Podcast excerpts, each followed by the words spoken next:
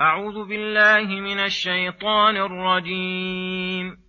والسابقون الأولون من المهاجرين والأنصار والذين اتبعوهم بإحسان والذين اتبعوهم بإحسان رضي الله عنهم ورضوا عنه وأعد لهم جنات وأعد لهم جنات تجري تحتها الأنهار خالدين فيها أبدا.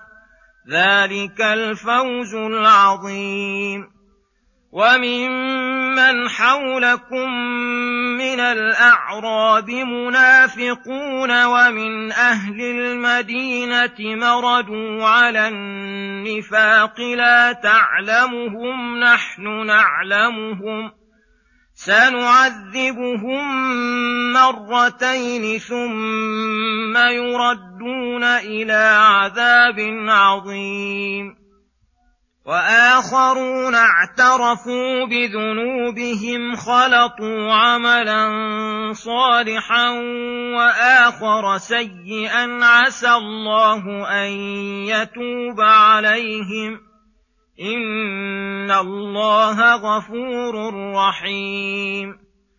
خذ من اموالهم صدقه تطهرهم وتزكيهم بها وصل عليهم ان صلاتك سكن لهم والله سميع عليم الم يعلموا ان الله هو يقبل التوبة عن عباده ويأخذ الصدقات وأن الله هو التواب الرحيم بسم الله الرحمن الرحيم.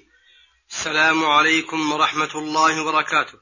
السابقون الأولون هم الذين سبقوا هذه الأمة وبدروها للإيمان والهجرة والجهاد وإقامة دين الله. من المهاجرين الذين أخرجوا من ديارهم وأموالهم يبتغون فضلا من الله ورضوانا وينصرون الله ورسوله أولئك هم الصادقون ومن الأنصار الذين تبوأوا الدار والإيمان من قبلهم يحبون من هاجر إليهم ولا يجدون في صدورهم حاجة مما أوتوا ويؤثرون على أنفسهم ولو كان بهم خصاصة.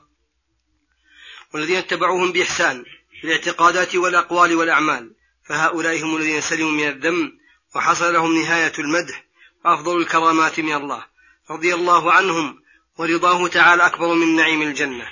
ورضوا عنه وأعد لهم جنات تجري تحت الأنهار الجارية التي تساق يا سقي الجنان والحدائق الزاهية الزاهرة والرياض الفاخرة خالدين فيها أبدا.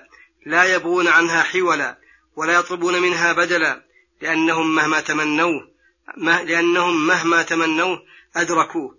ومهما أرادوه وجدوه ذلك الفوز العظيم الذي حصل لهم فيه كل محبوب للنفوس ولذة للأرواح ونعيم للقلوب وشهوة للأبدان واندفع عنهم كل محذور. ثم يقول تعالى وممن حولكم من أعراب منافقون ومن أهل المدينة أيضا منافقون مردوا على النفاق أي تمرنوا عليه وازدادوا فيه طغيانا لا تعلمهم بأعيانهم فتعاقبهم. أو تعاملهم بمقتضى نفاقهم. لما لله في ذلك من الحكمة الباهرة. نحن نعلمهم سنعذبهم مرتين. يحتمل أن التثنية على بابها وأن عذابهم عذاب في الدنيا وعذاب في الآخرة. ففي الدنيا ما ينالهم من الهم والغم والكراهة لما يصيب المؤمنين من الفتح والنصر. وفي الآخرة عذاب النار وبئس القرار. يحتمل أن المراد سنغرض عليهم العذاب. ونضاعفه عليهم ونكرره. ثم يقول تعالى وآخرون ممن بالمدينة ومن, ومن حولها بل ومن سائر البلاد الإسلامية اعترفوا بذنوبهم أي أقروا بها وندموا عليها وسعوا في التوبة منها والتطهر من أدرانها خلطوا عملا صالحا وآخر سيئا ولا يكون العمل صالحا إلا إذا كان مع العبد أصل التوحيد والإيمان المخرج عن الكفر والشرك الذي هو شرط لكل عمل صالح. فهؤلاء خلطوا الأعمال الصالحة بالأعمال السيئة من التجري على بعض المحرمات والتقصير في بعض الواجبات مع الاعتراف بذلك والرجاء بأن يغفر الله لهم. فهؤلاء عسى الله أن يتوب عليهم وتوبته على عبده نوعان. الأول التوفيق للتوبة والثاني قبولها بعد وقوعها منهم. إن الله غفور رحيم. أي وصف المغفرة والرحمة اللتان لا يخلو مخلوق منهما بل لا بقاء للعالم العلوي والسفلي إلا بهما. فلو يؤاخذ الله الناس بظلمهم ما ترك على ظهرها من دابة. إن الله يمسك السماوات والأرض أن تزولا ولئن زالتا إن أمسكهما من أحد من بعده إنه كان حليما غفورا. ومن مغفرته أن مسرفين على أنفسهم الذين قطعوا أعمارهم بالأعمال السيئة إذا تابوا إليه وأنابوا ولو قبيل موتهم بأقل القليل فإنه يعفو عنهم فيتجاوز عن سيئاتهم. فهذه الآية دالة على أن المخلط المعترف النادم الذي لم يتب توبة نصوحة أنه تحت الخوف والرجاء وهو إلى السلامة أقرب. وأما المخلط الذي لم يعترف ولم يندم على ما مضى منه بل لا يزال مصرا على الذنوب فإنه يخاف عليه شد الخوف قال تعالى لرسوله ومن قام مقامه آمرا له بما يطهر المؤمنين ويتمم إيمانهم. خذ من أموالهم صدقة وهي الزكاة المفروضة تطهرهم وتزكيهم بها أي تطهرهم من الذنوب والأخلاق الرذيلة وتزكيهم أي تنميهم وتزيد في أخلاقهم الحسنة وأعمالهم الصالحة وتزيد في ثوابهم الدنيوي والأخروي. وتنمي أموالهم وصل عليهم أي ادع لهم أي للمؤمنين عموما وخصوصا عندما يدفعون إليك زكاة أموالهم إن صلاتك سكن لهم أي طمأنينة لقلوبهم واستبشار لهم. والله سميع لدعائك. سمع إجابة وقبول.